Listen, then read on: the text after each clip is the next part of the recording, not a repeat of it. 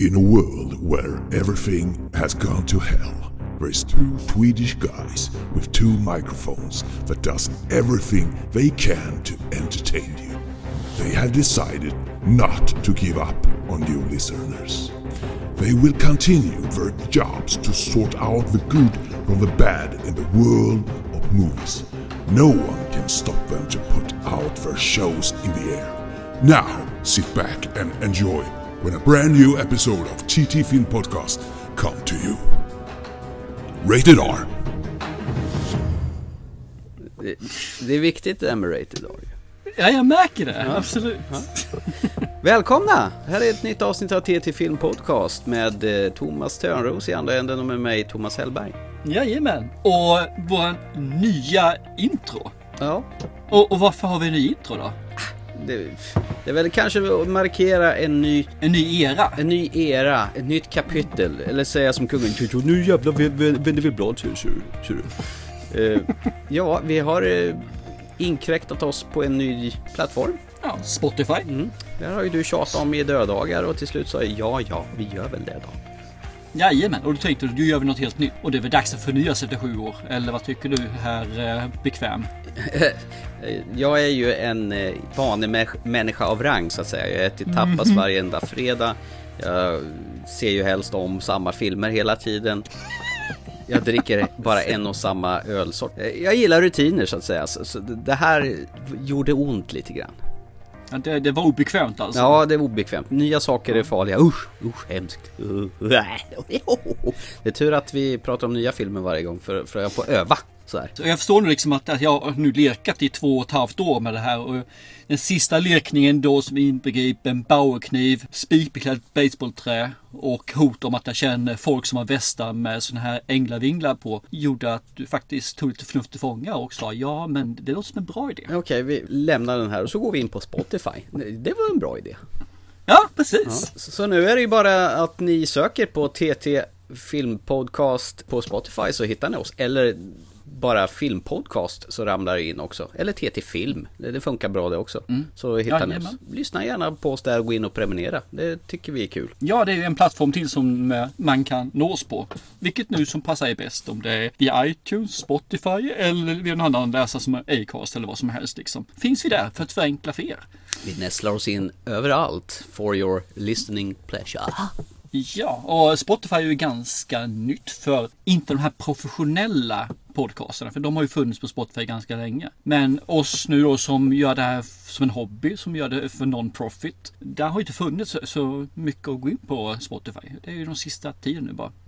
Så det är kul att vi kunde komma in tycker jag. Du, jag har en sak faktiskt som jag vill ta innan vi går in på filmerna. Jag frågade innan, var det någonting du ville göra? Men jag kom på det här nu faktiskt.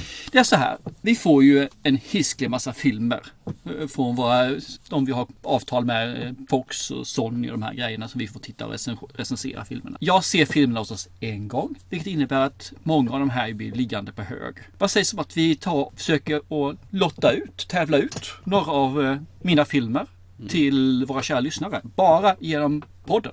Okej, hur ska det gå till då? Jag tänkte som så här att vi gör en liten ledtråd. Den här gången blir det ganska enkelt. Det blir faktiskt bara ett litet eh, kort nummer från mig. Så gör vi kanske lite mer avancerat i framtiden. Ett nummer? Ja, det blir lite grann här. Vi får se. Vill du ha en snabbis eller? Ja, typ. Nej, jag, jag tänkte faktiskt försöka mig på att vissla lite grann. Aha. Så får du säga om jag visslar rätt eller fel och sen så får vi göra det rätt efteråt om jag gör det fel. För jag är lite osäker ska jag erkänna på det. Men jag tänkte vi gör ett försök i alla fall. Kan du vissla Johanna? Kör hårt. Få höra nu då. ja, då har vi börjat? Nej. Nej, inte än. Det är bara du som har börjat. Aha. Det var ju... Okej, få höra. Vi ska se, jag hoppas det blir bra nu. Ja.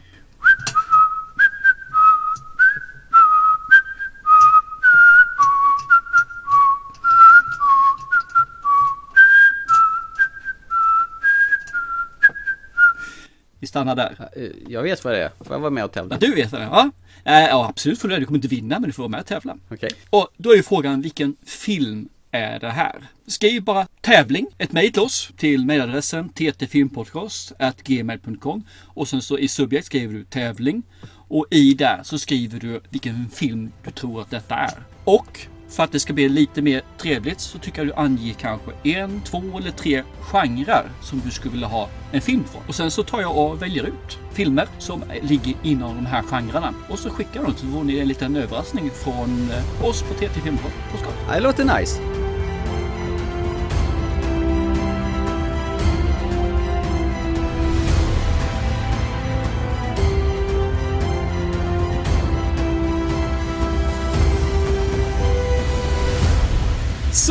Ska vi gå vidare till första filmen nu? För det är ju jag som har valt ordningen idag. Ja, jag är ju bara en sån här bisittare som sitter på och lyssnar på vad du säger. Det här ska bli alldeles förträffligt kul. Nej, det var inte så vi hade bestämt. Nej, nej, okej. Nej, du ska inte ha det trevligt kul. Du ska bara lyssna. Okej. Hänföra ska du eventuellt göra. Ja, din vackra melodiösa skånska stämma. Precis, jag är som en eh, fågelsång, en eh, näktergal. Småländska kanske. En småländsk näktergal. Ja, det var ju lustigt att du sa Näktergal för att det är ju den filmen som vi ska prata om nu. Vilken tillfällighet! Ja, The Nightingale från 2018. I wish I were on yonder hill. We don't want no trouble. That's just the way, isn't it? You don't want trouble, but sometimes trouble wants you. Tis there I'd sit and cry my fill. Get me to the soldiers that came by this morning. It's too dangerous. Up north, they kill us. You sure you want to follow him? I'll sell my rock, I'll sell my reel. Sell my only spinning wheel. Men du, 2018, det är ju spännande att- den tog så fruktansvärt lång tid innan- den landade här på Blu-ray och DVD. Den har ju precis släppts. Ja, Jag vet inte varför, vet du? Nej, det är ju hon som har skrivit The Babadook och regisserat den också, Jennifer Kent. Det här är hennes andra film. The Babadook var ju en renodlad skräckfilm, medan det här är ju någonting helt annat. Vad är någonting helt annat för någonting? The Nightingale. Någonting helt annat är väl egentligen när eh, Australien koloniseras av eh, Eh, engelsmännen. Även Irland då som sagt var i det här fallet. Vilka svin.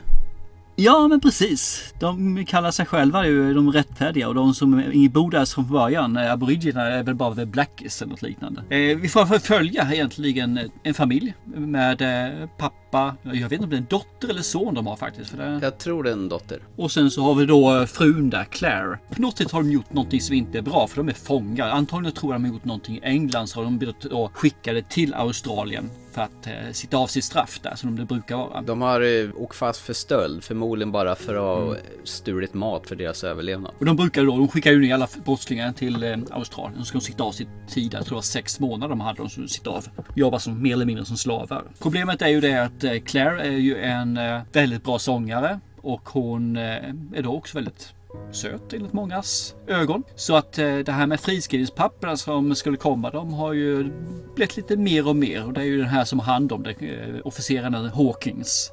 Han är väl sergeant eller sergeant av något slag. Han skickar inte in de här papperna och det ena leder till det andra då. Att han nyttjar ju situationen. Han har henne som entertainment både genom sång och mer fysiska aktiviteter. Och eh, hennes man är väl inte vidare glad för det där och går ju in och ställer mer krav att nu skriver du på papperna. Jag I demand it, tycker detta. Och det eskalerar ju med att han dör och även hennes dotter dör i det här handgemänget. Och sen efter det så blir det liksom den här hennes resa för att få ut den hämnd som hon eh, känner att hon behöver för att döda för sina, sin familj. För det första, blev inte du lite så här förvånad när du slog igång den här filmen och fick uppleva en vanlig, vanlig 4-3 format på den här filmen? Ja, det var jättekonstigt. Jag kände verkligen att wow, varför då? Och sen nummer två har de ju skruvat ner färgerna väldigt så att det är väldigt blek färgsättning på den här filmen.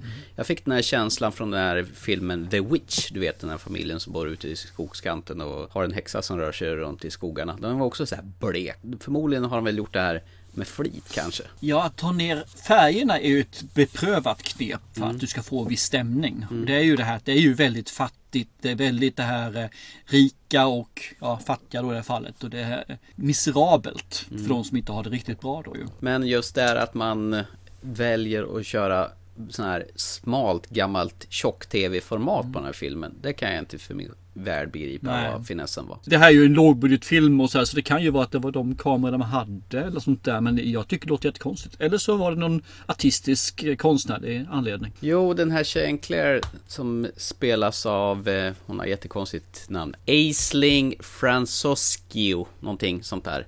Det går ju knappt att uttala. Hon, hon sjunger ju väldigt fint och vackert. Hon är ju, ska ju Ja. vara en, en kvinna från Irland och det är, hon sjunger väl såna här irländska folksånger. Precis. Den här eh, introsekvensen som du berättade när allting går åt helvete. Hon är väl lite mer som finner sig i ledet och har väl, försöker väl göra allt hon kan bara för att bli fri från han Hawkins då medan hennes man tycker att nu har det gått för långt. Man kan ju se förstå, han utmanar honom också, eh, Hawkins ju. Via att eh, trigga honom så mycket han kan. Han, han mer eller mindre tvingar ju fram situationen. För, men, han, hur mycket ska en man tåla? Och sekvensen när all, allting går åt helvete, den är ju ganska så magstark. Ja, du reagerade också på den alltså? Ja, den var fan riktigt jobbig. Det är en obehaglig våldtäktsscen som inte går av för hacker.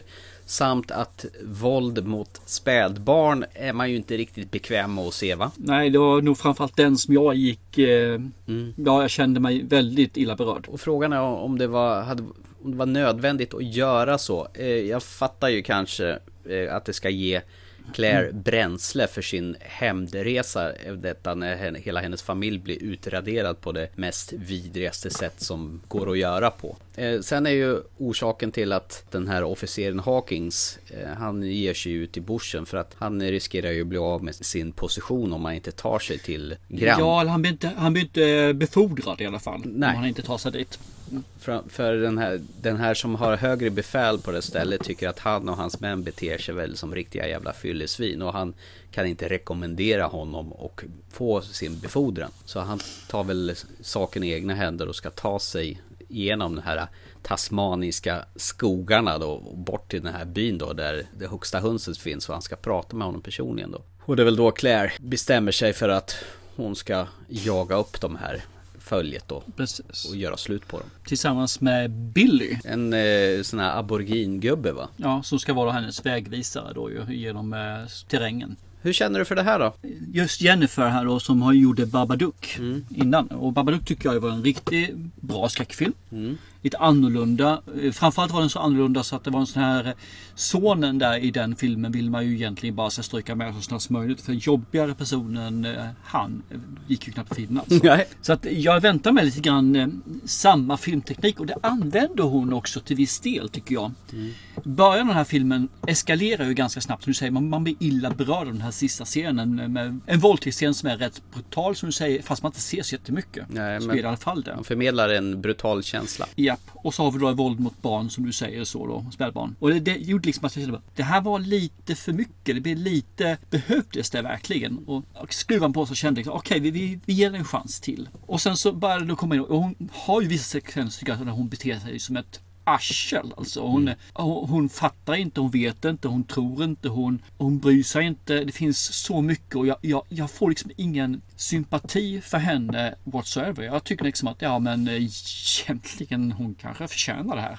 Bli lämna ute i bussen och klara dig själv då för fasen. För Billy som då försöker hjälpa henne och göra det här, hon, han får ju bara skit. Hela tiden. Ja. Och då kan man förstå visserligen att de stod inte högt i kurs aboriginerna för det var ju liksom strax, under byrackorna. Men står man och har verkligen måste förlita sig på person för att överleva, för att klara sig så måste man kanske behandla dem lite bättre än vad man kan göra normalt sett. Även om man inte brukar göra det. Och jag känner liksom att det var flera ställen det upprepades. Den började stå och stampa. Det hände liksom ingenting. Det blev repetition på repetition på repetition. Är det för att de vill bygga vidare på karaktärerna? Men det gjorde ju inte heller. Ville jag något annat då? Nej, men det gjorde jag inte heller.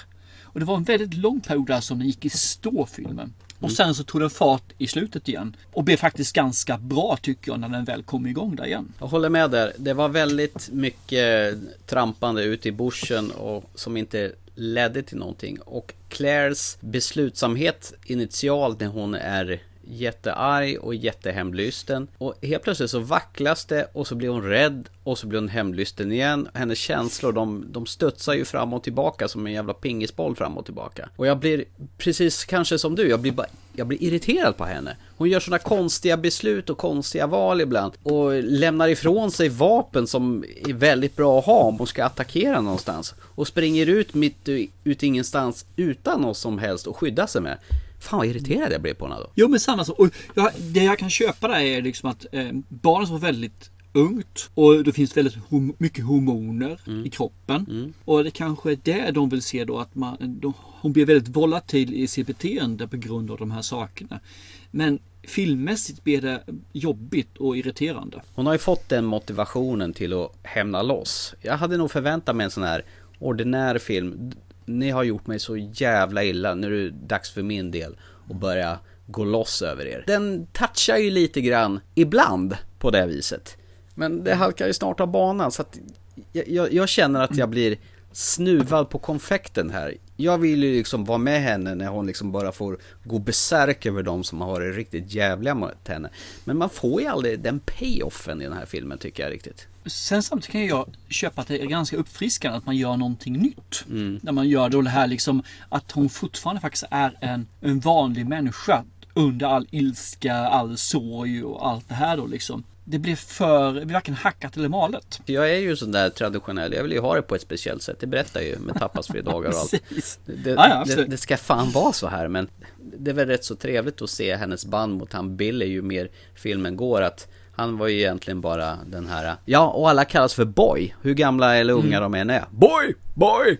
Hey boy! Ja, men det är skälls... Så var det ju då ju. Det var ju det var ett skällsord och samtidigt då du avpersonifierar personen. Och det är, det är mycket kant och svordomar om kvinnliga könsorgan i den här filmen. Det är ju rätt spännande med tanke på att det är en tjej som har regisserat den där. Men hon kanske vill vara trogen tidsåldern. 1825 någonstans när den här filmen ska utspela sig. Jag vet inte, man kanske sa mycket som- kant då. Ja, ska man se vilka som åkte till Australien så var det ju oftast inte de fina personerna. Det var ju de också som skulle söka sig lycka givetvis och tjäna pengar.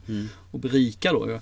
Men det var ju brottslingar och fattiga människor och soldater som åkte dit alltså. Brottslingarna de behandlade säkert alla enligt samma måttstock. Och en kvinna liksom, om träffade på henne så var det ju mer eller mindre bara en madrass. Alltså det var någon som man kunde förlusta sig med. Utan några konsekvenser. Ja. Och framförallt då om det var en som jag var, kommer från Irland till exempel så behövde du ha papper för att visa på att du var fri. Och kunde man inte visa ut de papperna då- var det ju din frihet förverkad alltså. Karaktären Hawkins då som har gjort allt detta mot henne. Han, eh, han är ju lätt att inte tycka om för vilket jävla praktsvin han är. Ja han är ju riktigt psykopat han är ju. Verkligen. Och sen har han ju någon undersåte över sig som han håller på och kör med fram och tillbaka. Han är ju är riktigt taskigt mot, men han är ju inte riktigt fräsch i huvudet han heller. Ingen av dem där som han hattar är ju sådär, det är inte S, inte S om vi säger så. Så det enda de verkar vilja göra det är att supa och, och eh, nuppa. Ja. Men eh, mycket natur, natur får man ju i den här filmen. Och, och det är ju en fin film tycker jag faktiskt så sett. Mycket av naturen är vacker. Även om har tonat ner eh, vad heter färgerna väldigt mycket som du säger alltså, så tycker jag den är rätt så trevlig och det är rätt så snyggt filmat bitvis. Och inte en sekund filmmusik knappt i hela filmen utan det är bara naturljud och prassel och så. Det gör ju sitt till filmen också. Ja, det kan förstärka bra. Så Ja, fast det är någonting som skaver med den här filmen. Ja, på något sätt, den går ju på en ojämn balans. Det, det ska ju vara nattsvart och samtidigt så tycker jag nästan det blir lite parodiskt mellan varven. Jag, jag tas ur illusionen att det här ska vara gravallvarligt. Det, det blir nästan lite pajigt åt det humoristiska slaget fast ofrivilligt. jag tror jag vet vad du syftar på i alla fall någon av de gångerna. Ja. Tonen i filmen, alltså den spretar ju. Antingen så ska det vara nattsvart rakt igenom, men de gör no- hon gör någonting här, eh, Jennifer Kent, som gör att jag inte riktigt är på hennes tåg. Och framförallt så är den här filmen på tok för lång. Den hade räckt om den hade varit kanske 1.40 någonting. Den här klockar ju över, tror jag, 2.20 i tiden och sånt där. Den är lång och den kändes. Ja, och när en film känns lång, då är det ju inte till filmens fördel direkt. Men det är det här att de harvar i mitten för länge. Hade de kortat ner den, ja, det hade kunnat korta ner en halvtimme. Så hade det ju varit filmens fördel tror jag. Jag kan tyvärr inte hålla med om det som står på filmens omslag att det är ett masterpiece och det är brilliant och hela köret. Det, det, det må ha hänt att många kanske tycker det men jag missar det som är det briljanta med den här i så fall. Jag är tveeggad till den här filmen. Det är, det är inget masterpiece, det är den inte. Men jag kan inte säga att den är värdelös heller. För det finns för mycket i filmen som jag tycker om för att den ska vara riktigt kass. Däremot finns det för mycket i filmen som jag inte tycker om som gör att det inte blir riktigt, riktigt bra heller. Sen samtidigt finns det den här saken som eh, hela tiden ligger i min bakhuvud när jag ser en sån här typ av film och det är att det är en lågbudgetfilm och då kommer min indie-måttstock in. Samtidigt så har hon faktiskt regisserat då Babadook som är, har blivit en ganska stor film i skräckfilmsgenren i alla fall. Ja. Och därför känner man också, vänta lite grann. Då kan man kanske förvänta sig lite mer av henne än man skulle göra av en riktig indieskapare. Vilken måttstock ska jag använda? Nej, det är ett mysterium det här. Jag blir inte klok på den här. Det, det var länge sedan jag kände mig så tveeggad kring en film. Antingen så är det ju skit eller också är det bra. Och, men det är ju inte mellanmjölk heller. Utan jag vet fan inte vad det här är. Jo, jag vet vad jag känner för den såset faktiskt. Så det, det är inga konstigheter. Det här är just mellanmjölk. Det blir det tyvärr alltså. För det, det är ingenting av det här som sticker ut som är bra, som är tillräckligt bra för det ska just sticka ut. Mellanmjölk med en obehagligt intro om man säger så. Ja, med mellanmjölk med jävligt dålig klippning. När man, hon har nog svårt att skilja sig från filmen. Och förstå vad som bär storyn framåt och det som egentligen gör att filmen mår bra av att kapas ner. Det är ungefär som man klipper ett äppelträd. Du ska klippa ner det ordentligt alltså för att det ska bli friskt trädet. Du ska klippa ungefär dubbelt så mycket som du tror om du inte är van vid det. Och det här, jag tror det är samma sak som regissör när du ska klippa filmen. Du ska klippa mer än du någonsin tror att du behöver klippa för du ska få den här rappheten och ändå fortfarande berätta storyn så folk fattar vad det är för Sen någonting. finns det ju andra som gör precis tvärtom. Som Rennie Harlin i, i vad heter Deep Blue Sea eller vad den hette. Ja, Den- Deep Blue Sea. Ja, den här med hajarna. Då klippte han bort så jävla mycket som man inte fattar någonting istället. Och men han är ju undantaget som bekräftar regeln. Ja. Jag kan inte rekommendera filmen. Men jag kan inte dissa filmen heller. Är man nyfiken på sån här typ av film, eh, från den här typ den här tidsepoken. Och att man gjort film nu om Australien och i det här sättet, det är ju något som nästan aldrig gjorts mig vetligen i alla fall. Så kan det vara värt att titta in på faktiskt. Varför inte? Offra de här två timmarna plus. Så, skulle det, så kan det vara värt det kanske. Men jag rekommenderar inte den som en eh, wow-upplevelse.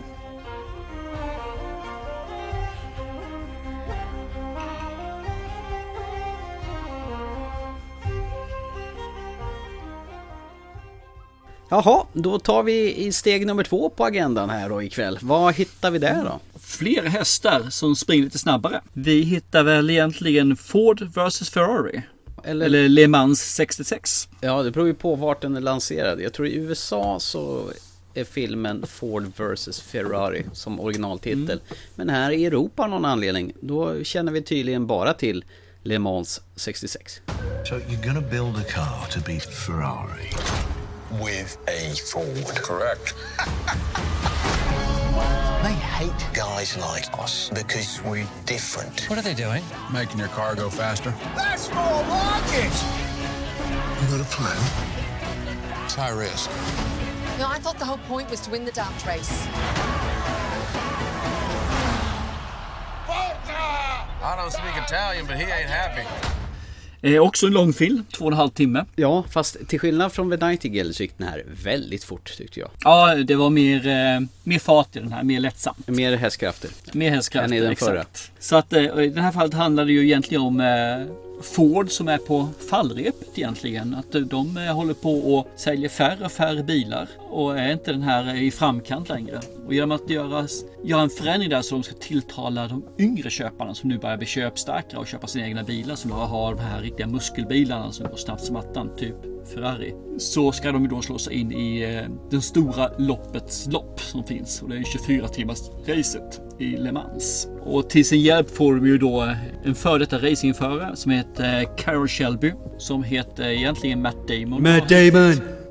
Yes. Och han ska då bygga ihop en eh, stor racingbil som ska slå Ferrari på, vad det, sex månader? Vilket i normalfall ska ta då ett x antal år egentligen. Men eh, äsch, det tycker jag, det ska ju fixa sig. Och till sin hjälp tar han då en eh, riktigt vass rallyförare, racerförare då som heter Ken Miles. Christian Bale. Precis, och det här är ju egentligen de två huvudpersoner som finns. De andra är ju där egentligen mer för kuriosa och för lite annan, lite färgstänk om vi säger så. Mm, bland annat Josh Lucas som den enträgne Leo Beebe. Där är vi. Det är satsningen. Hur, hur gör man en stor fet racerbil som ska klara att köra 24 timmar och slå de här underbara bilarna från Ferrari som har vunnit, var det fyra eller fem år på raken. Jag måste få fråga en sak. Eh, gillar du racingfilmer från början? Det beror på vad det är för typ av racingfilmer. Mm. Är det en racingfilm som man hela tiden sitter i bilen? Så nej, inte något för mig direkt. Jag tänkte på den Men- Rush som Ron Howard gjorde för ett gäng år sedan som jag tyckte var värdelös tills jag insåg att jag inte hade sett den utan jag hade sovit mig igenom den och såg den igen och tyckte att den var riktigt bra. Rush var ju en jättebra film. Den tyckte jag ju om alltså. Det, det var en ruggigt bra. Men där var det också man fick se väldigt mycket sen om racingen. Och det är ju det jag tycker om. Det är ju den delen som jag går igång på. Ser man, den här från Sylvester Stallone som har, vad heter den för någonting? Driven. Ja, och den är ju Ah, inte uh, jätte, jättebra. Det, det är ju en actionfilm i, eh, sport, sportbilsvärlden om man säger så. Den var riktigt sämst har jag för mig. Ja, jag tyckte den var inte så vidare heller. Men eh, Rush var ju riktigt, riktigt bra. Le Mans 66 då? Eller Ford vs Ferrari nu då? Vinsten och förlusten med den här filmen är ju att du vet hur den slutar. Vilket gör att slutet i den här filmen är egentligen rätt så, vem bryr sig? Alltså är det då vägen dit. Det är ständigt är återkommande från Thomas Törnros. Vägen dit. Precis. Ja. Och nu ska jag använda ditt uttryck här. Jag tyckte om att hänga med de här faktiskt, grabbarna. Okej. Det, var- det här var alltså din Once upon a time in Hollywood alltså? Men det finns en stor skillnad. Ja. I Once upon a time in Hollywood så var det bara vardag. Mm. Det, det var liksom, det fanns inget slut. Här finns ett slut, här finns det en röd tråd. Mm. Och det är det som jag inte tyckte om med Once upon. För där fanns det liksom bara, ja men jag åker lite bil, jag dricker lite öl, jag lagar en antenn, jag söker till några nya roller. Det, det fanns liksom ingenting. Här finns det någonting. Och därför blir det lite kul att hänga med dem, tycker jag. Och så tycker jag de har ett bra samspel med Damon och Christian Bale faktiskt. De har riktigt bra samspel. Men Carol Shelby och Ken Miles, det var ju riktiga personer som de här gestaltar. Ja, ja, det här är ju en Boats. Det är ju en based on a true story. Så du menar att du visste hur själva loppet skulle sluta eller, eller lyckas du lista ut det eller hur menar du? Jag visste hur det skulle sluta. Det här är ju hur känt som helst. Jag hade ingen aning. Okej, antingen så är jag ju nu då en nörd när det gäller sådana här saker. Eller så är du okunnig.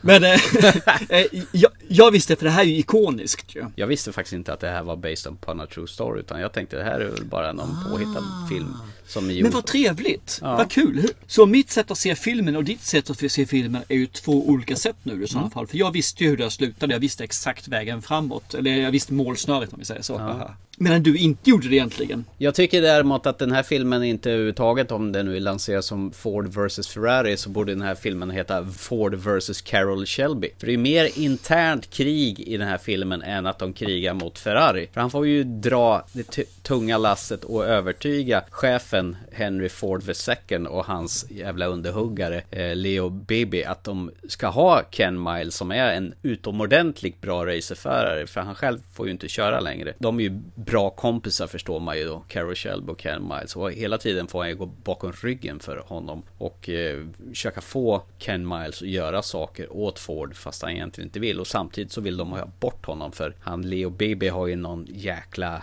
beef med Ken Miles och vill ha bort honom. Han har, har ju någon... Egentligen handlar det om att han är ju inte riktigt eh, journalistvänlig. Nej, Han, kan, han kunde säga vad som helst. Man kan ju liksom inte ha en sån fram, bakom en mick. Där han helt plötsligt kan fara ut och säga liksom att det där är skit och det här är det här. Och. Utan det måste vara lite mer eh, vältrimmat om man säger så. Som idag när man pratar med en eh, idrottare så är de ju så jävla trimmade vad de ska säga, hur de ska uttrycka sig. Och han vägrade ju. Han körde ju alltid sitt race. Han kör alltid sitt race, det var kul. ja. Nej men så är det väl, utan de ville ha en vältalig förare och det sm- small väl högre trots att han var den som kunde pressa bilen till det yttersta och vet hur mycket man kan pressa bilen utan att den går sönder. Enligt filmen nu i alla fall. Det är ju en sekvens när eh, Carol Shelby tar med sig Henry Ford II och ut på racerbanan för att testa den här nya sportbilen som de har byggt och han Ford tycker att det här har jag kastat ut 9 miljoner dollar, då måste jag väl se vad jag betalar för någonting. Och de åker ut på racingbanan och han blir helt jävla förstörd. Och, och när han inser att han har ju ingen aning, han har ju bara liksom varit boss men han vet ju knappt inte hur bilarna fungerar som han finansierar. Det- Ja, inte racingbilarna i alla fall om man säger så. Utan han har ju åkt i vanliga, de vanliga åken. Det är Exakt. en jävla skillnad. Ja, jag tycker det var en jävligt menar- skön scen där faktiskt. Jag, jag, satt, och, det här var ju... jag satt och mös när, när gubben höll på att skita knäck i och gör fortfarande kalsongerna. För det är inte så konstigt. Jag menar, du, tar in en, eh, en GT40 häver du in en 7 liters V8. Vet du, Det finns ju pulver i den jäkeln alltså. För det var ju inte det att kraften i motorn var ju inte det som var problemet. Det var ju mer att få det att hålla. Mm. Och att egentligen få det som är viktigast att hålla. Det vill säga bromsarna. Och sen hittar vi John Berntrell, du vet han som med eh, The Punisher bland annat och eh, killen som är med första säsongen i eh, Shane heter han väl i The Walking Dead bland annat. Precis. Han dyker upp lite varstans den här. Han har ju blivit sån här biroll-smurf känns det som. Ja, jag vet inte vad jag tycker om honom faktiskt. För jag tycker han passar nog bra som birollssmurf som du uttrycker det. Som huvudrollsinnehavare har han inte riktigt det som krävs. Nej, det är väl så. Och han får väl finnas i att han är så. Så det var ju spännande att han fick bära hela The Punisher-serien visserligen. Någon annan bra birollshavare, det är ju alltså Ken Miles fru, Molly Miles. Eh, Mm. de, de brukar ju bara vara någon sån här, hon är frun som är vid hans sida, men hon gör någonting starkt med sin roll. Catriona Balfe heter hon. Jag tycker hon är skitduktig och skitbra som eh, Ken Miles, det vill säga Christian Bales fru. Ja, hon fyller ut sina filmrutor, de få hon får om man säger så. Eh, Det är inte så att hon har jätte, jätteliten roll. För hon har en stor roll men hon har inte så mycket tid. Och hon gör jättebra med den tiden som hon får i filmen. Jag, jag tycker också det. Framförallt i den här scenen när de eh, kör med sin vanliga station wagon där liksom och hon leker rally. Mm, hon blir förbannad på honom. Det är så här Ja, så in i helvete. Så in i helvete just det. Och jag tycker det, det är ju en skön scen. Riktigt skön scen. Men Christian Bale och Matt Damon, de är ju fruktansvärt härliga, suveräna skådespelare. Och de, de har ju sådana olika typer av skådespel. Men det passar ju så jävla bra i den här filmen alltså. Ja, och han har ju blivit rätt så slimmad, Christian Bale också. Ja, han, han är ju en sån där som går in för sin, sina roller exakt vad, det, vad som än kräver. Jag tänker bara återigen på den här filmen Machinist. När han bantar ner sig så att han nästan ser anorektisk ut. När han kör den här häng, hänga gubbe-grejen på kylskåpet. Det är beundransvärt samtidigt som man blir lite okej, varför? Fungerar, som du säger, jättebra. De har ju helt underbara slagsmålscener där som sagt som inte går för hacker. Ja, ja den, den sekvensen hade jag faktiskt sett tidigare. Ja men den är med i trailern tror jag. De håller, ja. håller på att slåss där. Nej men Matt Damon han är ju, han känns så jäkla sympatisk. Jag känner att han lär ju vara en trevlig prick privat också. Det känns Mm. inte som han kan vara elak på något sätt. När jag tittade på efterscenerna så var det ju väldigt många som prisade honom just för att han var en jävla trevlig prick. Och framförallt så var det de här barnen som verkligen tyckte att han, han lättade upp stämningen. Han fick liksom alla göra, känna sig avslappnade. Så det är ju också så här, det brukar ju vara då att det är en trevlig prick. Och George Lucas han får spela slime som vanligt. Han har väl det utseendet. Det, det är sällan han får spela någon sympatisk roll den karln. Nej men han har ett utseende tyvärr. Eh, Men Ja. det, Men bilåkarscenerna var ju jäkligt snyggt iscensatta faktiskt. Jag tycker det var, jag, jag njöt i varenda bildruta när, när de swishar förbi med de här sportbilarna. De har ju lagt ner hur mycket jobb som helst på det. De har rustat upp med kameror och kör den också liksom. Och så här, Jag tittade återigen på efterscenerna, när man ser det här, eller efterscenerna bakom scenerna. Så är det ju, de har ju gjort ner, lagt ner hur mycket jobb som helst på det. Det är hur Ja, det är ambitiöst och det märks faktiskt i filmen. För en gångs skull så gör det nytta att de har lagt ner så mycket jobb på det. Och det är James Mangold som har regisserat den här. Han gjorde ju det här finalkapitlet på Logan, det vill säga Wolverine, den Mm. sista filmen. Och han ska ju även regissera, ja om det nu blir av då, den kommande Indiana Jones-filmen då Steven Spielberg har klivit av för att ge stafettpinnen till någon yngre för, som kan se filmfranchisen med fräschare ögon. Men eh, Ja. jag, jag kan bara säga, jag tycker den här filmen var skitbra. Det var länge sedan jag satt och njöt åt, det var länge sedan två timmar och 32 minuter gick så här jäkla fort som det gjorde. Utan, jaha, är den slut redan? Eh, va? Gick så här fort. Ja. Kul. Ja. Jag tyckte det här var kanon. Det här var den mest underhållande film jag har sett på bra länge faktiskt. Det var som en riktig godispåse där tyckte jag. Jag tycker också det här var riktigt nice. Jag, jag tyckte verkligen om det här eh, personerna, jag tyckte om storyn, jag tyckte om den här problematiken, interna problematiken som fanns inom Ford. Eh, med den här kolossen till företag som hade sitt sätt att göra saker och ting på som man helt enkelt fick fightas mot. För de förstod inte att ett stort företag kan inte man kan inte driva racingdelen på samma sätt som man driver eh, där man tillverkar hundratusentals bilar. Jag tyckte om det, det gjorde jag. Samtidigt som eh, han fick en väldigt liten del av den här med Ferrari-delen. De var ju ganska eh, långt ut i periferin. Men jag tycker om den, de, man fick i alla fall den här motståndarsidan. När man fick en bild på dem och vilka de skulle slå. Och så här, så att, eh, nej, men jag, jag tycker också om den här filmen. Jag, jag tyckte om att hänga med dem. Jag tyckte om storyn. Jag tyckte om vägen fram. Och jag tyckte om att de gjorde den här avvägningen med racing-scener kontra utanför racingen ganska okej. Okay. Lite för mycket racingscener kanske, men inget som störde egentligen. Nej. Så att, absolut, jag tyckte också om den här filmen. Den var riktigt, riktigt nice. Men jag hade höga förväntningar på filmen också när jag gick in och såg på den. Och de blev uppfyllda antar jag? Det tycker jag. Eh, Inte så, så att jag jublade efteråt eftersom jag hade så höga förväntningar. Men klart stort plus. Det får jag säga. Och en sista sak, det var jävligt bra musik i den här filmen också. Det, var så... det tänkte jag faktiskt på för en gångs skull. Det här kommer Thomas gå igång på. Ja, men det var så effektiv musik från tidstypisk mm. musik från, mm. från då. Det bultade och det förstärkte de här bilåkarscenerna.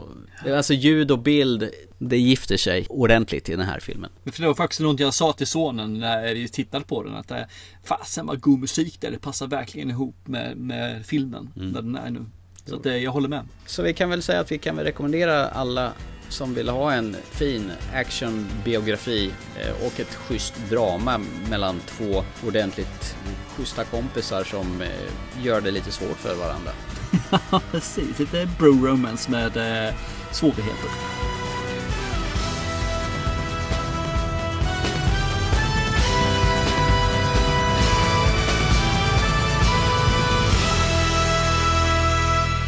Ska vi gå vidare och det kan ju bli lite knivigt att reda ut vad det här vi ska prata om nu. Vi får göra vårt bästa i det här stjärnspäckade, underbara morddramat. Mm, som kunde ha gjort Agatha Christie karaktär avundsjuk kanske. Säkerligen. Mm.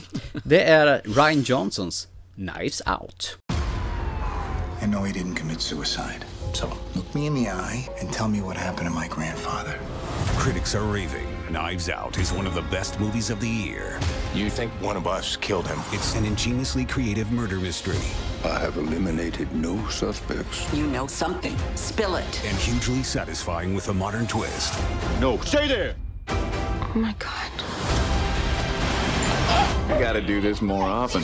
Knives Out, rated PG-13. Eh, Ryan Johnson, han eh, regisserar ju andra delen av Star Wars-trilogin, den nya. Eh, The Last Jedi, som eh, var väldigt utskälld av många. Ja, precis. Och jag tyckte ju den var jättetrevlig faktiskt. Så att jag tillhör ju en av de få som verkligen tycker att del nummer två i den här trilogin var en av de bästa. Okej. Okay. Jag bara säger det. Så att den här filmen har man ju hört lite och jag är ju sucker för sådana här eh, mordmysterium. Gillar du sådana här typ gamla Agatha Christie-filmer? Med Who Done It som det kallas. Jag är ingen sucker för det ska jag erkänna.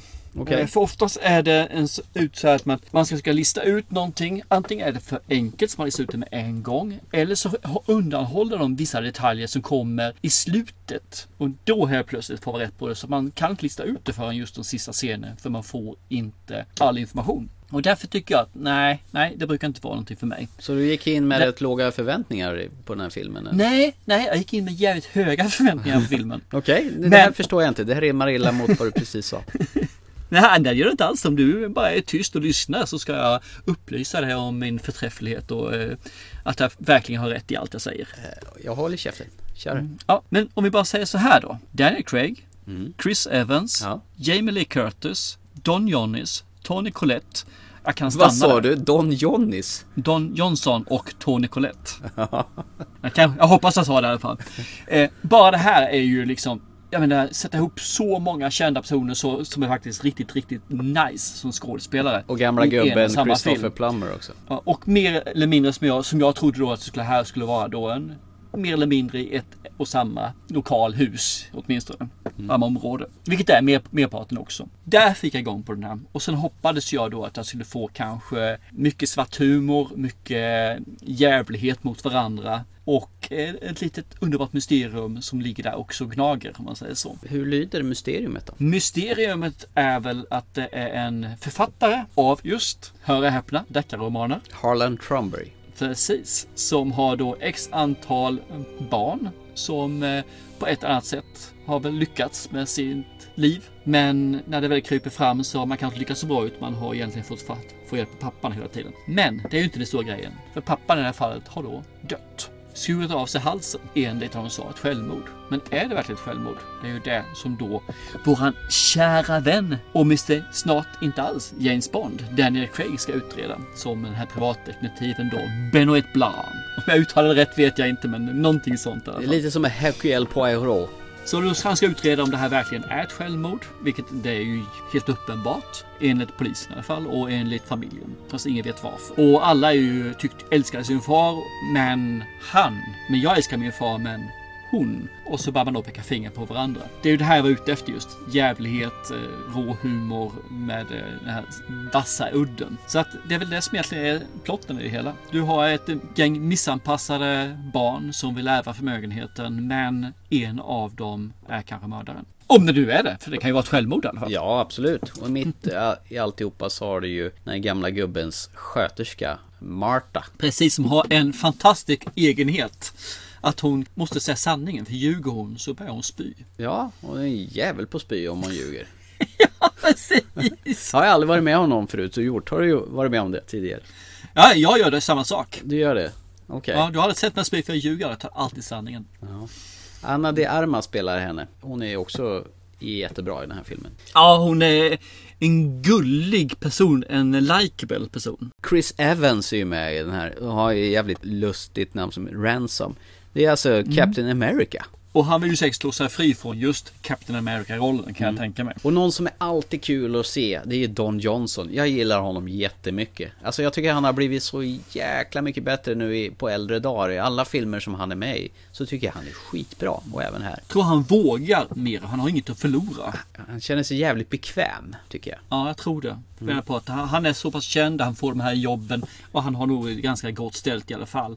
Who cares vad de andra tycker? Jag gör det jag vill göra. Och sen är ju gammelgubben Christopher Plummer då. Som är, han är rika författaren som, hittas med avskuren hals. Och frågan är, har han tagit livet av sig eller har han blivit mördad? Nej, snacka om vilken ensemblefilm det här är. Men jag tycker du glömmer eh, Tony Collette. Ja, hon är ju underbar också. I vilken film känner vi henne henne som senast? Jag har ju kan så... du säga, tala om vad den heter? Her, herit, her, hereditary. Ja, men du sa nästan rätt där. Hereditary. Ja. Det är helt rätt. Och sen var ju med den här uh, lyckopillret som jag tvingade på dig också. Den här uh, Heartbeat Sloud var ju också med i också. Ja, just det. Stämmer, stämmer, Mm. stämmer. Ja. Nej men hon är mums. Och så var ju med den här uh, våldtäktsserien eh, som de utreder våldtäkten på den här unga tjejen. The Unbelievable. Eh, spelar ju hon en av huvudrollerna i. Också svinbra. Nej, men hon är, jag tycker hon är så jäkla underbar som skådespelare. Hon förtjänar att få mer roller, stora Mm. roller. Men det är, det är just det här som är så mums med de här äh, mordmysteriefilmerna. Det är likadant i de här Agatha Christie-filmerna. Att de har ju slängt ihop en hel driva med goa, härliga kändisar som får jobba tillsammans. Jag tror ju att det här var nog rätt roligt för dem, hela rasket, att spela in. Ja då. Jag tycker ju Jamie Lee Curtis gör ju en riktigt bra roll också här. Därför hon, hon är ju riktigt bitchig. Det passar henne på något vis. Jo. Jag vet inte varför. Hon, hon gör en bra bitch. Sen är det ju väldigt mycket twistar i den här filmen fram och tillbaka. Den går ju ett håll och sen går den åt ett annat håll och sen puttas det tillbaka till första hållet. Och sen samtidigt har vi ju den arroganta Daniel Craigs figur. Hade du problem med hans eh, dialekt i den här filmen? Eller fann du det i det? Mr. Blanc, I know who you are. I read your profile in the New Yorker. I found it delightful. I just buried my 85 year old father who committed suicide. Why are you here? I'm here at the behest of a client. Who? I cannot say, but let me assure you this. My presence will be ornamental.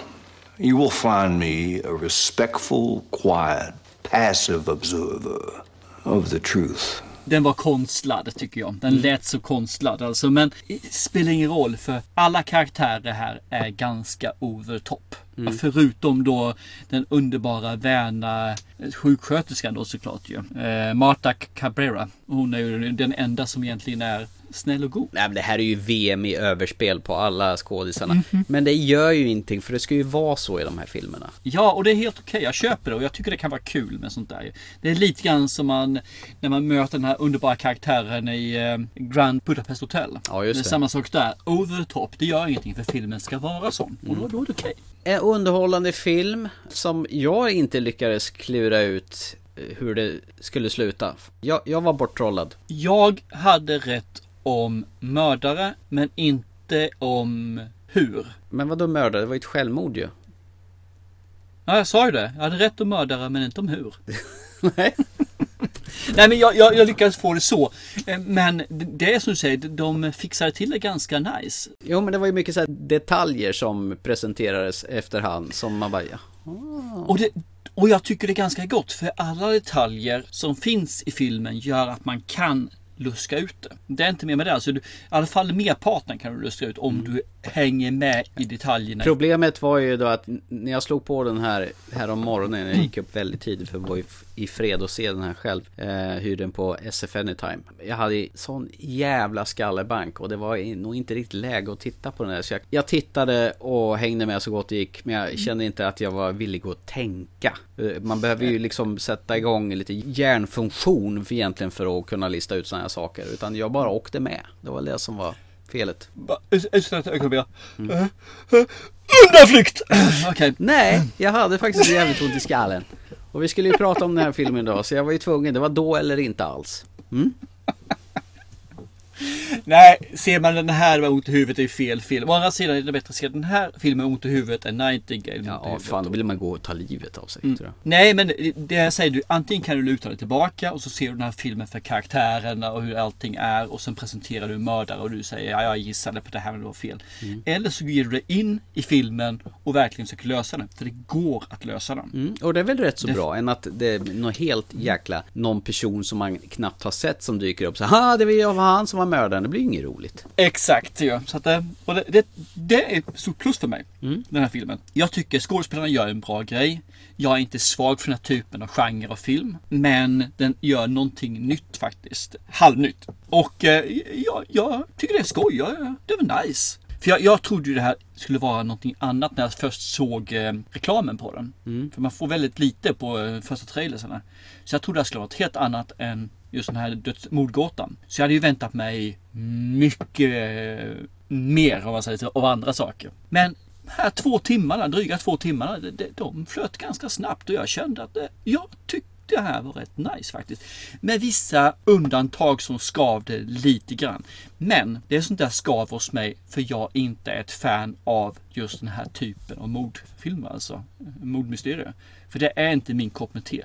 Men fungerar, det gör den. Men jag tror det är mycket skådespelarna som får det att göra att det fungerar. Och de har ju stoppat in i din minsta biroll. Vi hittar ju till exempel M. Emmet Walsh, den här gamla gubben som har de här videobandsinspelningarna i någon hytt. Han eh, såg man ju bland annat i våran favoritfilm Blade Runner. Och här har han blivit asgammal. Jag trodde faktiskt han hade trillat av.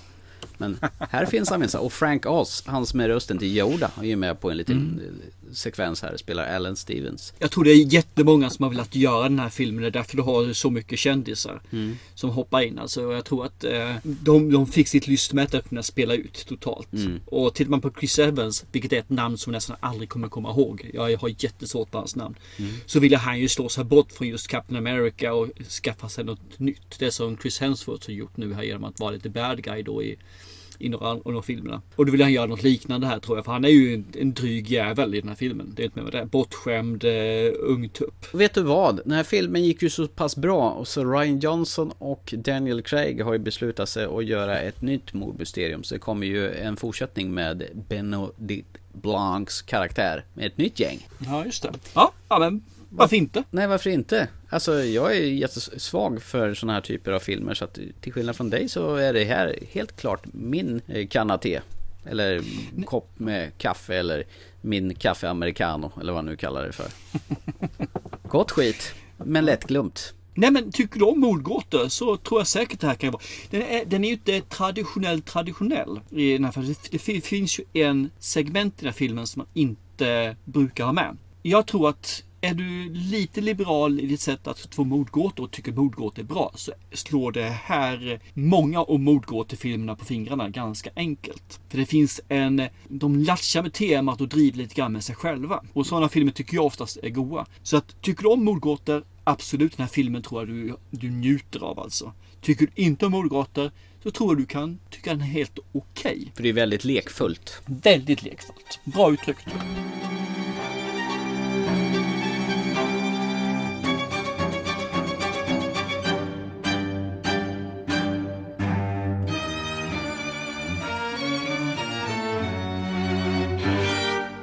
Då så, då är det bara en sak kvar i kvällens välproppade mustiga program där vi då ska gå tillbaka i tiden och eh, köra vårat segment Återtitel. Filmer som vi har sett från förr fast nu med äldre ögon. Och, och den här gången var det din tur att välja film. Och vad valde du då? Närkontakt av tredje graden. Boop, boop, boop, boop. What do you want? I just want to know that it's it's really happening. I recently had a close encounter.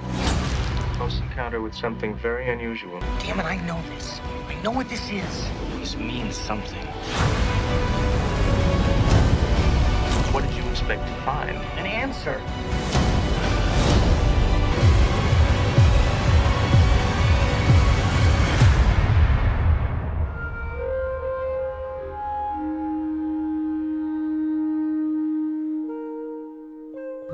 Yes, från 1977 av eh, Steven Spielberg. Ja visst är det. Här hade han fått flyt. Har han gjort Hajen bland annat.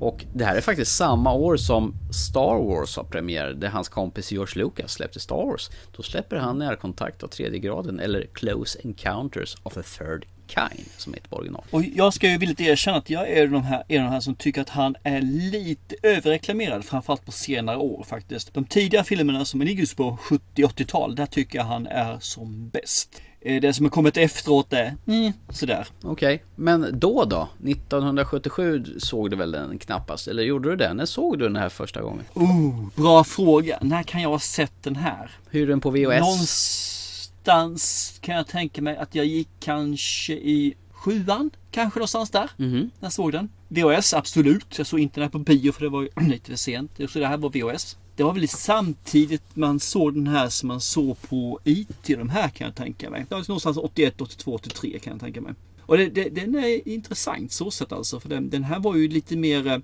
inte action, men lite mer fartfylld än IT på ett vuxet sätt. Ska du dra plotten då kanske in, innan vi Ja, det kan vi göra. Absolut. jämför? Vi har väl en reparatör som eh, är då Richard Dreyfuss, eller Roy Neary heter han.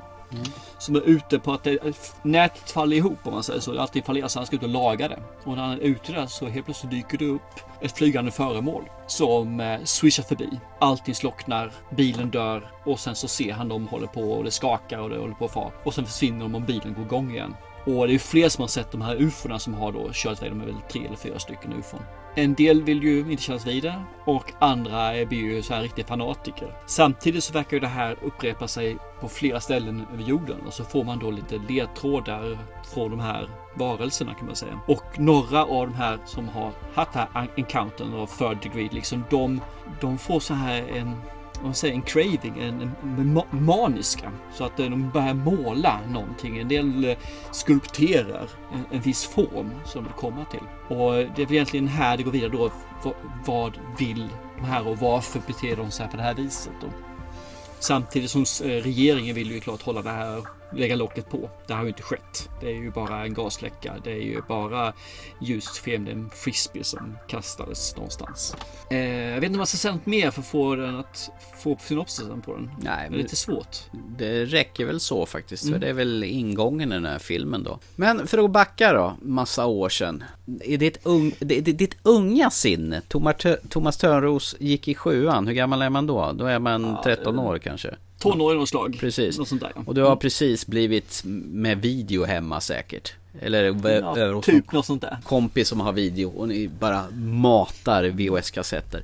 Var det här någonting som gick ofta hemma i videobandspelaren eller? Jag har nog bara sett den ett par, tre gånger när jag var ung. Alltså någonstans där. Det var just under en ganska kort eh, horisont. Men den här filmen var ju häftig. Den var ju effektfull. Det var ju så mycket häftiga effekter i den. Jag menar, det, rymdskeppen swishar fram. Det är inte det här som är på trådar som hänger och dinglar. Utan här var det verkligen att de åkte ju och de svängde och det, man såg liksom åkte i djupet. Riktigt, riktigt snyggt och fantastiskt. Hur lyckas man med det här? Det var ju jätteverklighetstroget. Eh, när saker och ting skakar och helt plötsligt så leksaker som gick igång och rörde av sig själva. Det var ju hur spännande som helst. Det var nästan lite, vad heter det, poltergeist över det hela fast Ja, eh, just det. inte riktigt. Man säger så. Vi, men det var spännande, det var det faktiskt. Det här var riktigt spännande för mig som när det kom. Ja, för det är lite otäckt mellan varven. Jag, jag förstår din Poltergeist-koppling det här med de här äh, leksakerna som börjar. Mm. Det, jag för mig det är någon liknande i Poltergeist när det börjar smattra någon sån där jävla apa med såna här äh, symboler. Det gör väl även här.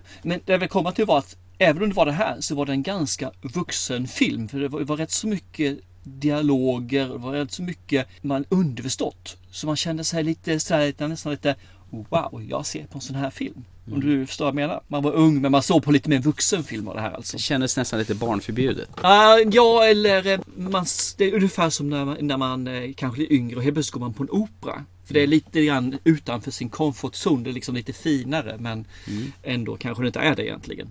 Och det var ungefär så jag kände när jag såg den här filmen. Den, den var ju en drama, den var lite mer vuxen samtidigt som det var lite action lite eh, spännande också. Då ju. Som jag sa tidigare så var ju effekterna helt fantastiska i den här filmen. Då på 80-talet ish någonting. Mitt förhållande till den här filmen sträckte sig genom att jag stod och höll i det transfer media fodralet och tittade på omslaget. Men jag kommer aldrig med för att hyra den där. Och jag kommer aldrig med för att se den här förrän den gick på, kom upp på Netflix för här om året. Så att jag kan inte riktigt säga att jag har haft någon relation till den filmen alls. Det, du häcklar ju Ja. mig lite för grann och jag, jag, Ja. jag, jag får starkt erkänna det här att jag har stått och hållit i fodralet och inte mer. Jag trodde faktiskt nästan alla i min eh, åldersgrupp hade sett den här filmen. Alltså. Och de som inte hade gjort det var blinda, döva eller bara imbeciller. Eh, check på all tre där då. Precis!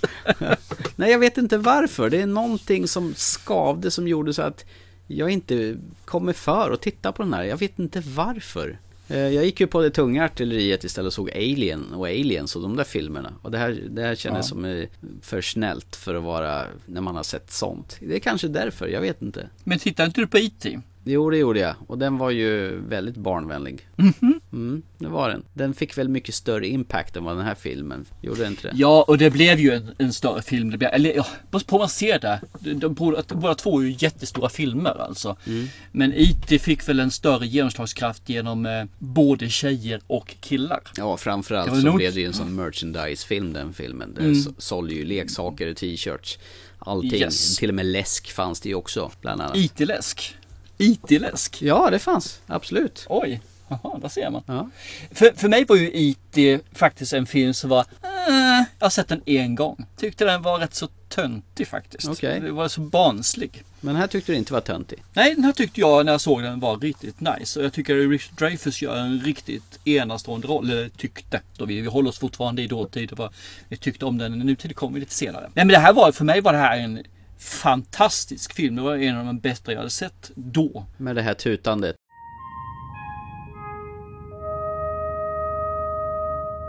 Den här ljuds, femtoners ljudsekvensen är ju väldigt ikonisk med den här filmen. Ja, Och den som har kommit upp i flera andra filmer. Bland annat Moonraker eh, från 1979 har jag tagit reda på och den här kom ju 77. Eh, Det är ju faktiskt när James Bond ska ta sig in på en sån här, ett laboratorium och då finns det dörrlås och när man trycker på den här koden Exakt samma som i, i eh, närkontakt av tredje graden. Och det kom faktiskt an på att Albert R. Broccoli ringde Steven Spielberg och, och ville ha tillåtelse att använda den här femnots-tutandet från närkontakt av tredje graden. Och det fick han. Men sen några år senare så ville ju Steven Spielberg tillbaka tjänsten och ringde Broccoli och ville ha tillstånd att använda James Bond-temat för eh, The Goonies. Men Mhm. Då säger Broccoli, men det är faktiskt fler än fem noter i 007-temat, så det får du inte. Så det fick han. Nice. Så det sket sig. Alltså jag vet att nu är ju Hudson Hawk också ju, eh, den här Bruce Willis-filmen. Samma tutande. Precis, när han ska, han har några handklovar på sig som han ska lösa upp och det är någon sån här ljudsekvens för att få upp dem elektroniskt då. Ja, så de här fem tonerna är ju väldigt välkända. Eh, och det är bara något de lekte fram fick jag höra för mig också som sagt var. Så att eh, det var ju rätt så kul. Eh, om vi ska gå in på Ludo, du har ju sett filmen nu. Ja. Och jag har ju sett om filmen också nu. Och då är ju frågan, hur upplevde du den för att se den som första en 77-film för första gången med ganska mycket, för den dåtidens mätt mått i alla fall, effekter. Mm. Och jag ser då om en gammal film med kanske lite nostalgiögon men ändå med eh, de här porrglasögonen på, den kritiska porrglasögonen på. Mm. Det första jag kommer att tänka på det är att Steven Spielberg fortsätter använda Richard Dreyfuss för han har ju använt honom i, i Jaws bland annat. Mm. Nummer två är ju att han sätter det vanliga, det här med en, en familj som är i kris. För jag känner att han, Richard Dreyfuss, Roy Neary och hans fru, de känns ju inte som de har så jävla bra tillsammans. Och jag var i och för sig glad att se att det var Terry Gar. Henne har jag ju inte sett så jävla ofta, men du vet den här filmen En natt i New York. Eh, Amen. Eh, det är ju Terry Gar. Så att det, det var ju rätt så kul att se henne i en yngre upplaga. Hon var ju faktiskt väldigt fräsch här måste jag säga. Och sen handlar ju rätt mycket om deras besatthet då när de, han är ju en av de där som börjar skulptera en stor jäkla hög och han säger It's important. It's important. Man vet inte varför det är important. Och, han, och hans fru börjar ju höll på att bli knäpp på honom för han, hur han börjar bete sig. Och andra ri- Konstigt, när man han drar in eh, 200 kilo jord i köket. Ja, bara skyfflar in det att eh, nu vet jag, jag har aldrig mått så här bra förut. Hon tar ungarna och drar. Det här med familj verkar ju ligga Steven Spielberg nära till hands. För ofta så brukar det vara en okomplett familj. Att det är någon mamma som är ensam med sina barn. Och här är ju, känns det nästan som att det är ju en familj som håller på att gå sönder på grund av att han blir så manisk och desperat. Och känner att det här är ju enda Den som här betyder situationen de handlar i blir ju då Alltså han har varit med om, hon inte varit med om det. Mm. Och den här situationen blir ju då att de slits isär. Men innan dess så är det ju en helt eh, okej familj Mm. utan några större problem egentligen. Men det går ju rätt fort. Det känns ju inte som hon finns för honom. Även om de har liksom varit en tight man och hustru och har flera barn tillsammans så känns det ju Men- som hon släpper det där ganska snabbt. Ja, hon flyttar ju hem till mamma eller sånt där jag för mig. Hon gör som alla amerikanska kvinnor verkar göra. Ja, de drar hem till sin mamma. Ja, det verkar precis. Ja. Och han är ju så manisk så han lägger ju knappt ens märke till att de försvinner. Det gör han ju på vissa sätt för han, vill ju, han ringer ju upp och de pratar lite och så här liksom. Men Mm. ändå finns det ju det här som drar och sliter i han något kopiöst. Det här är ju prio 1, 2 och 3. Sen har ju hon Gillian då, vars har den här lilla sonen som tycker det är skitballt med de här ljusfenomenen på, Mm. på himlen och bara piper iväg här. Och vilken jävla creepy unge. Som bara springer runt och flinar hela tiden och tycker allting är skitballt. Även fast det, de flesta skulle tycka att det var jätteläskigt.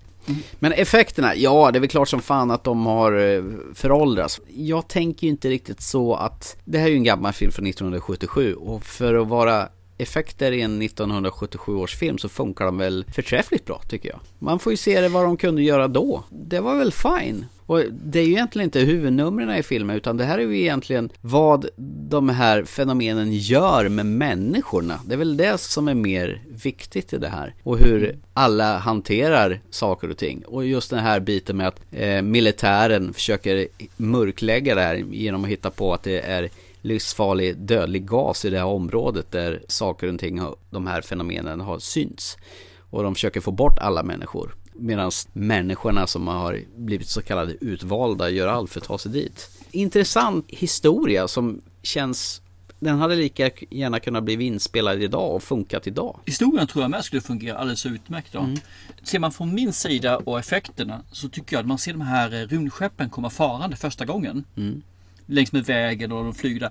Så jag tycker att de effekterna skulle också kunna platsat i en film idag faktiskt. De Mm. var så pass bra så att de, det, det skulle inte skämma sig idag om det såg ut så och betedde sig på det viset. Och nu kan man göra så mycket mer och göra mer detaljer. Men det behövs inte egentligen för det räcker med den nivån. Sen finns det vissa, det finns vissa ljudfenomen, de- ljusfenomen de har gjort. Mm. Som gör ju, ah, okej det där ser ju lite tacky ut. Och sen så när man ser varelserna i slutet av filmen.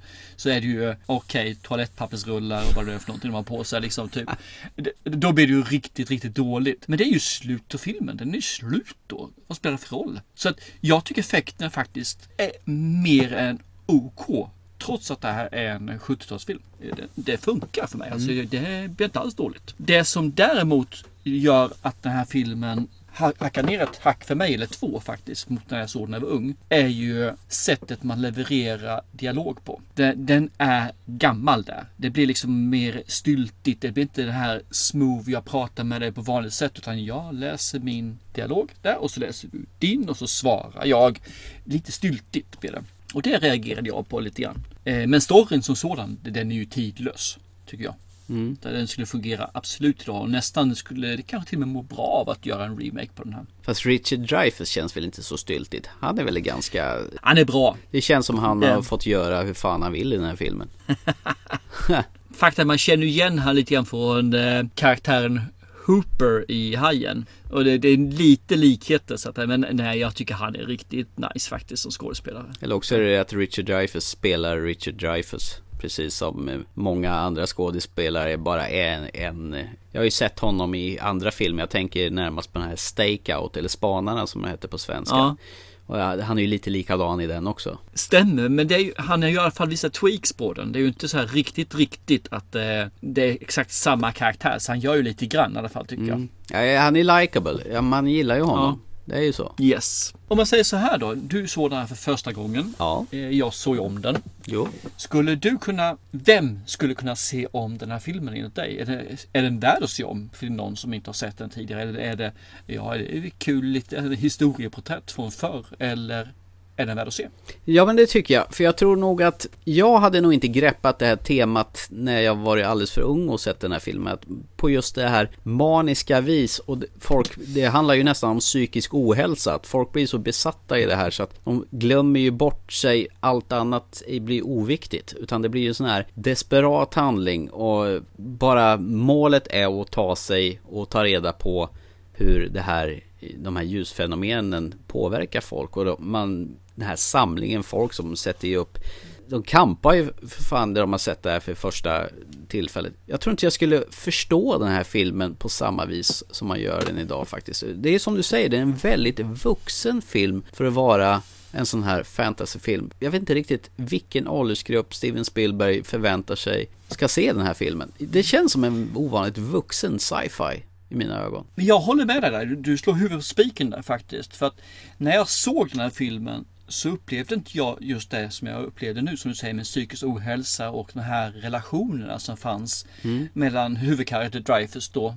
och eh, hans fru, Fru. barn och Mm. den här andra tjejen då som eh, får sitt barn bortrövat av dem. Utan det, det, det var liksom inte det primära utan man såg bara, oh han blir ju helt in i det här, snurrig och håller på, han är galen. Mm. Och hon blir av med sitt barn och sen så tänkte man inte mer på det för man var så pass ung i sitt sinne. Och därför tror jag att, som du säger, vilken den här passar. Den passar till unga människor för de ser inte det och har inte ont av det. Nej. Medan äldre människor ser det och kan ta till sig det och ge det mer djup till filmen. Ungefär som man ser en animerad film. Det måste vara vuxenhumor samtidigt som barnen ska kunna skratta också så båda två får ha kul och tycka att det här är en okej film. Mm. Och det tror jag fungerar här också. Ja. En vuxen person ser mer saker än en yngre person. Jag tror det. Det här är ju liksom huvud på spiken med vårat eh, nya segment. Alltså återtiteln. Filmer som vi ser från förr, med, fast nu med äldre ögon. Att det här filmen gjorde sig nog väldigt bra med äldre ögon. Även fast jag inte har sett den i unga dagar. Låter konstigt? Nej, nej, inte sant. För jag säger så här att jag, jag håller med om att man kan se om den här. Och det är inte bara mina, mina nostalgiglasögon som är på nu. Alltså, jag tror man kan se om den här som vuxen idag tillsammans med sina barn som är 11, 12, 13 år ish, kanske till och med yngre, till och med kanske 7-8 för den delen. Det skulle säkert fungera det med. För de ser vissa saker och du ser andra saker och samtidigt kan ni ha en jäkligt nice stund tillsammans. Faktum är att min lille son Isak som är 10 eh, halkade in här halvvägs. Det var också en sån här film jag slog på tidigt på morgonen för att få vara i fred. Men Mm. han är ju också väldigt morgonpigg så han dök ju in ungefär halvvägs in i filmen. Så försökte jag förklara för honom vad- som helst, varför han höll på byggde lerhögar inne i köket. Och han tyckte väl han betedde sig knäppt. Och sen när, ju mer filmen gick, då började han bli otålig. Började säga, ja men när får man se en alien då? Jag vill se en alien. När får man se en alien? Det var liksom det primära i hans ögon. Men tror du inte det var det för att han missade starten av filmen? Ja, så kan det ju ha varit. För han missade ju de här ljusfenomenen i början som kom Mm, då. När exakt. rymdskeppen kom farande. Men sen var ju rätt så trollbunden resten av filmen. Han satt snällt och väntade på finalen när man nu får se rymdaliens. Det finns ett stort minus med den här filmen tror jag faktiskt. Och det är att den är två timmar och 18 minuter lång. Ja, den är väldigt lång. Mm. Mm. För mig som vuxen så är det inga problem. Men för en yngre person så tror jag den kan bli lite väl lång att se. Alltså det kan vara smolket. Men å andra sidan, då kan man ju faktiskt ta och sträcka på benen och gå och blanda lite juice eller leka lite grann och så slår man på filmen igen och tar det här kanske som en två eller tre sittning. Och den finns ju väldigt lättillgänglig till hands. Den finns ju fortfarande på Netflix. Så vill ni passa på att se den här. Har ni Netflix så ja, varför inte slå igång Close Encounters of a Fur Kind. Ja, jag tycker absolut det. Har du, har du sett den när du var yngre? Slå på den alltså, se den igen och det är, jag tror du kan se saker som du inte har sett då. Har du inte sett den, men ta en, en söndag och se den med dina barn. Varför inte? Så jag tror att ni kan få en helt underbar eh, söndag för mig där eller eftermiddag med den här. Nu, nu, nu kanske jag spoilar slutet, men vem fasen bryr sig? Filmen är från 77. Ja, du har ju haft många år att titta på den. Om ni inte har gjort det så skyll dig själv upp. Trots att du sa att om ni inte har sett den så slå på den du. Precis, men jag skiter i det säger. Det finns en sak som inte jag tänkte på när jag såg den. Ja. När jag såg den ung. Det var ju när de möter de här aliensna. Sen slutet kommer det fram en skock små här, och sen så Rifford Dreyfuss får då följa med dem i rymdskeppet ju. Ja, just det. Och så flyger de iväg. Han överger sin fru, fyra söner utan ens att tycka att det är något han behöver fundera över eller överhuvudtaget. Han bara jajamän, det är klart jag följer med er. Ja. Lämnar min fru och barn hemma på jorden. Fuck them liksom. Vem bryr sig? De stack ju till morsan eller... Ja. Ja, det var Det väldigt... tyckte jag var lite så här suspekt när jag såg den nu som vuxen. Jag kände bara, hur, hur, hur tänkte han där? Ja, men han tänkte ju inte. Det var ju viktigare att göra en, en hög i köket och it's important som han höll på att tjata om. Och ungarna bölade när han höll på och tappade allting totalt i sinnet. Och sen dessutom så eh, blev det ju en liten hångelsekvens med den här mamman vars barn hade försvunnit. Då sket han ju också i sin fru kan man ju säga. Det verkar okej. Fan vad vi spoilade här nu då. Nu däremot så är jag ganska nöjd med den här filmen. Men jag säger, det, det jag sett nu det är ju slut, slutet. Det, det spelar ingen roll på filmen på det viset. Så att det... Det är vägen dit. I, vad har du hört dig för Nej jag vet inte. Det är ju Det klass, jätte- klassiska ord. Bevingade ord. Intelligent sagt. Jag, jag förstår inte riktigt vad du kan ha fått. Det måste vara en väldigt insiktsfull person som sa det först. Men eh, det här segmentet, återtiteln, får pausa en stund för att nästa gång så fick jag ett uppdrag av dig då jag ska få se Kevin Costner i Three Days to Kill. Ja, precis. Mm. Plus lite andra goa filmer som vi ska prata om då. Men eh, fram till dess då så får ni ju gärna kontakta oss på Facebook, Instagram, Twitter och eh, eller våran e-postadress ttfilmpodcast.gmail.com Och numera så lyssnar ni oss på eh, Spotify. Ni lyssnar oss på, fortfarande på Apple Podcaster eller Acast eller alla andra plattformar som finns där ute. Det finns ju massor. Så att sök på TT Filmpodcast så, eller bara Filmpodcast så hittar ni oss överst på Google. Enkelt. Och glöm inte tävlingen nu här. Klicka in på vilken film det var.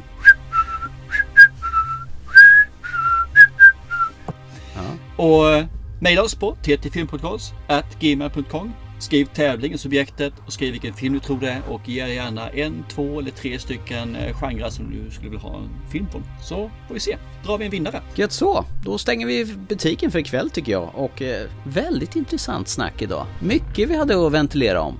Jajamän, absolut. Som vanligt. Ja, gött. Till nästa gång så se en bra film för det tänker vi göra. Chip chip, ha det gott. Hej då!